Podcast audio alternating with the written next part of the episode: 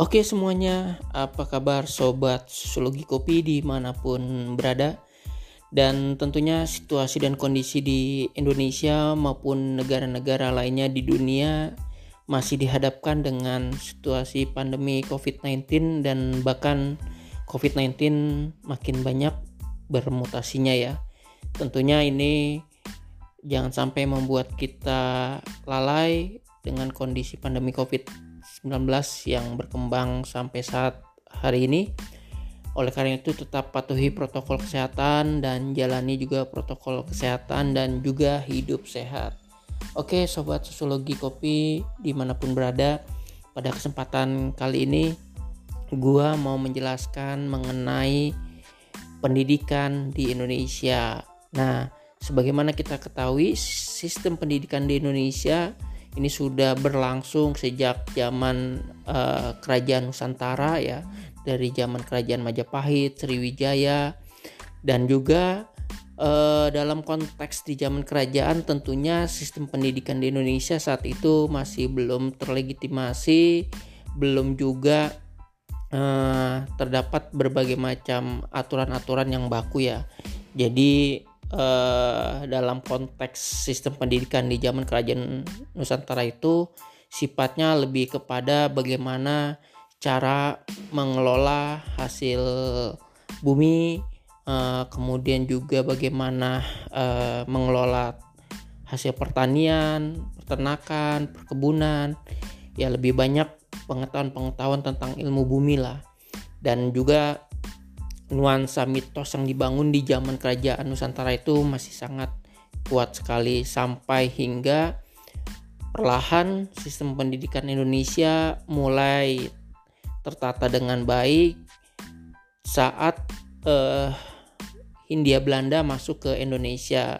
Nah, Hindia Belanda di sini sudah mulai membenahi ya sistem pendidikan di Indonesia dengan membuat ya sekolah-sekolah yang sifatnya itu uh, diperuntukkan bagi kelas-kelas sosial tertentu ya yang pada saat itu kelas-kelas sosial tertentu tersebut itu diperuntukkan untuk menengah atas ya kaum bangsawan ya. Jadi kaum kaum pribumi yang berada di kelas menengah bawah ini uh, masih jarang mendapatkan pendidikan ya kalaupun mendapatkan pendidikan itu hanya sebatas uh, ilmu bumi, ilmu hitung ya. Kalaupun misalnya uh, kaitannya dengan ilmu-ilmu yang sifatnya keteknisan itu lebih kepada kaum-kaum yang sifatnya nanti uh, akan bekerja mengabdi kepada uh, pemerintah Hindia Belanda. Nah, sampai akhirnya uh, singkat cerita Indonesia merdeka di tahun 1945. Nah, di situlah kemudian sistem pendidikan Indonesia kita mulai uh, ditata lebih baik lagi saat pemerintah di bawah Presiden Soekarno mulai memperhatikan tentang pendidikan bagi masyarakat Indonesia secara umum atau education for all yang di mana semua warga negara itu berhak mendapatkan pendidikan. Di saat itulah uh, aturan hukumnya juga sudah mulai dibuat dengan jelas dan juga dalam konteks yang lain setiap uh, warga negara itu diberikan hak untuk mengenyam pendidikan minimal sekolah dasar yang pada saat itu sekolah dasar masih berjenjang kelas SD. Nah, dalam konteks dinamika di dalam sistem pemerintahan di Soekarno ya, tentunya masih banyak juga masyarakat yang belum bisa mengakses pendidikan dengan baik. Karena pada saat uh, kondisi di zaman Presiden Soekarno kondisi uh, sistem sosial politik dan pembangunan di Indonesia masih sedang dirintis atau dibangun. Dan kemudian ya di dalam konteks uh, pemerintahannya Soekarno juga dia menganut sistem bahwa uh, dalam konteks masyarakat itu harus berbudaya. Jadi nuansa mekanisme pengajaran yang berbudaya ini diajarkan oleh uh, sistem pendidikan di Indonesia di zaman sistem pemerintahan Soekarno. Dan kemudian ketika Presiden Soekarno ini lengser berganti menjadi uh, Presiden Soeharto nah sistem pendidikan kita ini mulai dibenahi kembali yang termasuk salah satunya kemudian muncullah sistem uh, P4 nah P4 di sini dimaksudkan supaya masyarakat itu menjadi warga yang Pancasilais yang benar-benar mencintai uh, negaranya memiliki tingkat nasionalisme tinggi. Nah, walaupun ya nuansa politik pendidikan di zaman Soeharto ini sangat uh, kuat sekali karena dalam konteks di zaman pemerintahan Soeharto ya, ini pendidikan ternyata dijadikan bagian dari transportasi untuk menanamkan nilai-nilai dogma dan ideologis dari kepentingan rezim pada saat itu. Dan oleh karena itulah hal-hal yang sifatnya subversif ya sifatnya melawan pemerintahan ini seminimal mungkin harus bisa uh, segera diatasi di dalam uh, pemerintahan rezim Soeharto yang di mana kemudian di zamannya Presiden Soeharto muncullah yang namanya NKK BKK normalisasi kehidupan kampus dan badan koordinasi kampus yang di mana kehidupan kampus pada saat di zaman Soeharto ini semuanya itu di, sangat uh, penuh dengan pengawasan penuh dengan suasana panoptik ya yang di mana mahasiswa itu difokuskan untuk bisa uh, lebih fokus kepada perkuliahan di dalam kampus jadi demonstrasi-demonstrasi tersebut sebisa mungkin jangan dilakukan oleh mahasiswa jika ingin cepat lulus. Jadi nuansa NKKBKK ini penuh dengan eh, kepentingan-kepentingan dari rezim pemerintahan yang menginginkan agar masyarakatnya dalam hal ini mahasiswa tidak melakukan tindakan yang subversif yang berniat untuk menggulingkan rezim pemerintahan pada saat itu.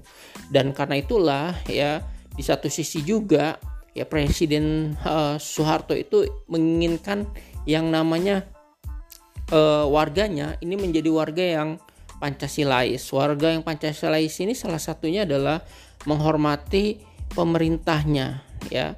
Jadi uh, menghormati pemerintahnya ini, jadi warga negara ini harus tunduk, harus patuh terhadap pemerintahan pada saat itu. Dan oleh karena itulah nuansa berekspresi, menyampaikan aspirasi, kebebasan ini sangat kecil ruang geraknya.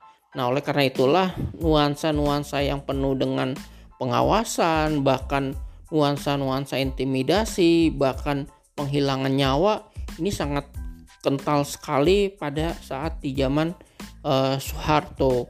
Dan pendidikan ini menjadi salah satu transportasinya ya, yaitu semua warga negara itu wajib menghafal yang namanya butir-butir Pancasila ya. Karena di dalam Pancasila tersebut ada semangat nasionalisme, ada semangat persatuan, semangat menjaga NKRI, dan yang paling penting adalah agar warga negara tidak sampai ya menentang pemerintahannya. Nah, oleh karena itulah ternyata pendidikan sebagai transportasi di zamannya Soeharto ini sangat uh, berhasil sekali yang membuat Soeharto ini bisa uh, menjalankan roda pemerintahannya lebih dari uh, berapa puluh tahun ya ya dalam konteks di sinilah pendidikan dijadikan sebagai bagian dari transportasi untuk melenggangkan atau melanggengkan rezim pemerintahan Soeharto. Nah, dalam konteks di zaman uh, Soeharto juga ya, sebenarnya di satu sisi kesejahteraan guru juga masih sangat minim juga ya. Belum ada yang namanya sertifikasi guru. Oleh karena itulah kemudian kehidupan kesejahteraan guru ini sangat uh, minim sekali. Dan oleh karena itulah jarang atau bahkan tidak ada yang banyak ingin menjadi guru pada saat itu. Nah, oleh karena itulah seperti apa yang diciptakan oleh Iwan Fals tuh lagu Umar Bakri. Nah, Umar Bakri itu uh, dia mencerminkan representasi tentang kehidupan guru pada saat di zaman Orde Baru ya yang dia harus mengabdi digugu ditiru kemudian juga diagung-agungkan namanya karena dia sebagai pelita kehidupan bangsa tetapi di satu sisi kesejahteraannya tidak diperhatikan oleh negara pada saat itu. Nah, oleh karena itulah pada saat itu kondisi guru ini uh, sangat dilema. Nah, kemudian ya ketika tahun 98 ya, rejim Soeharto ini tumbang ya karena adanya uh, kulminasi atau puncak dari kemarahan para mahasiswa akan ruang demokrasi yang sangat uh, sedikit sekali bahkan diintimidasi bahkan sampai ada penghilangan nyawa. Nah terjadilah yang namanya pemberontakan perlawanan dari mahasiswa. Nah ketika kemudian mahasiswa ini bergerak kemudian menumbangkan rejim Soeharto atau rezim Orde Baru. Nah, bergantilah era reformasi. Nah, di era reformasi ya undang-undang lama semuanya diganti khususnya dalam hal ini undang-undang tentang sistem pendidikan digantilah sistem pendidikan uh, nasional ya nomor 20 tahun 2003 di zaman uh, Ibu Megawati yang saat itu menjadi presiden. Nah, di zaman uh, reformasi ini kesejahteraan guru udah mulai sedikit diperhatikan ya. Udah mulai diperhatikan kesejahteraan guru ya. Tunjangannya sudah mulai dapat terus kemudian pelatihan-pelatihan selalu berikan kepada guru. Nah, di satu sisi juga ya uh, mulai meningkat nih yang tadinya uh, pendidikan dasar itu di tingkat SD, kemudian udah mulai ditingkatkan sampai ke level SMP.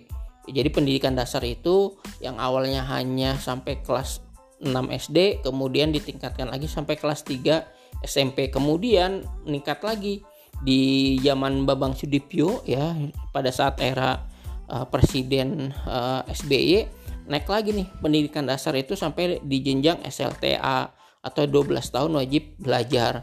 Nah, perkembangan nuansa pendidikan dalam konteks uh, kurikulum ini juga sama, nggak berbeda jauh. Terus berubah uh, kurikulum-kurikulum di Indonesia ya.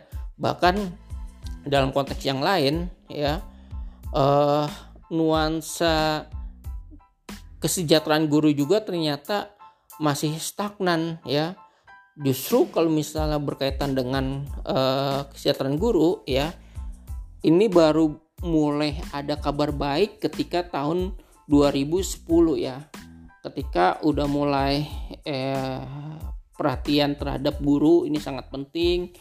Kesejahteraan guru ini harus diperhatikan.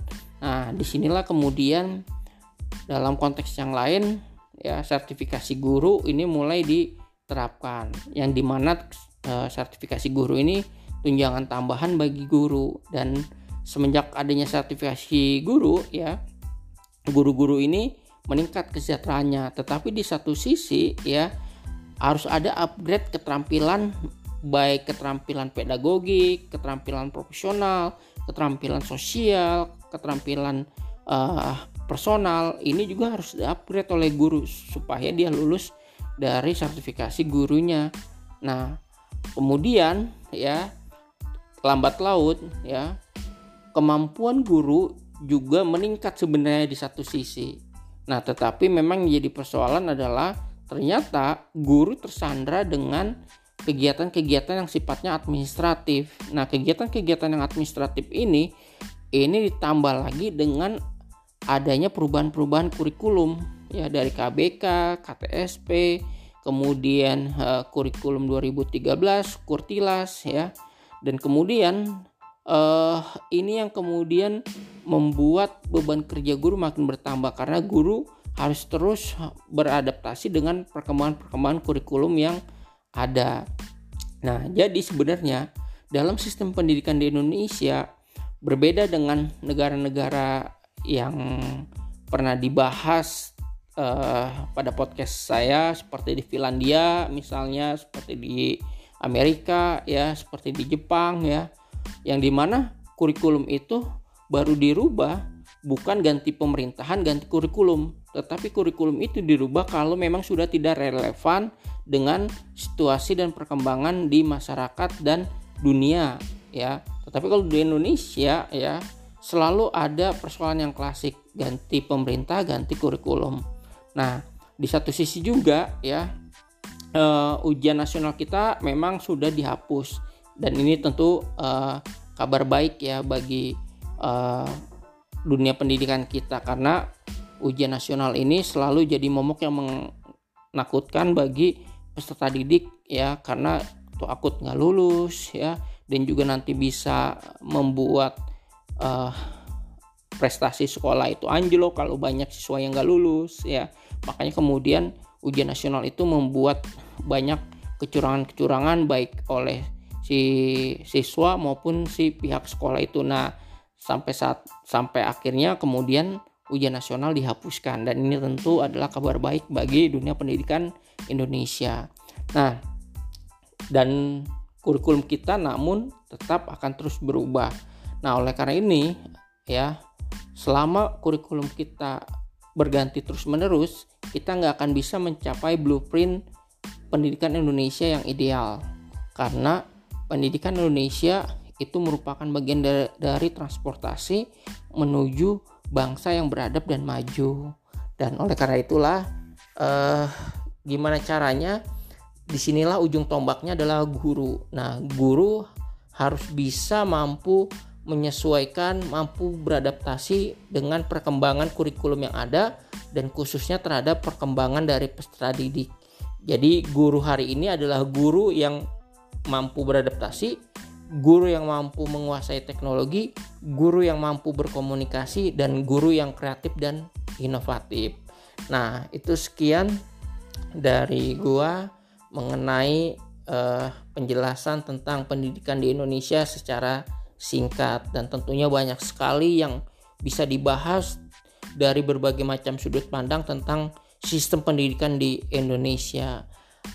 Sekian dari gua, terima kasih. Salam sobat sosiologi kopi dan jangan lupa tetap jaga protokol kesehatan. See you.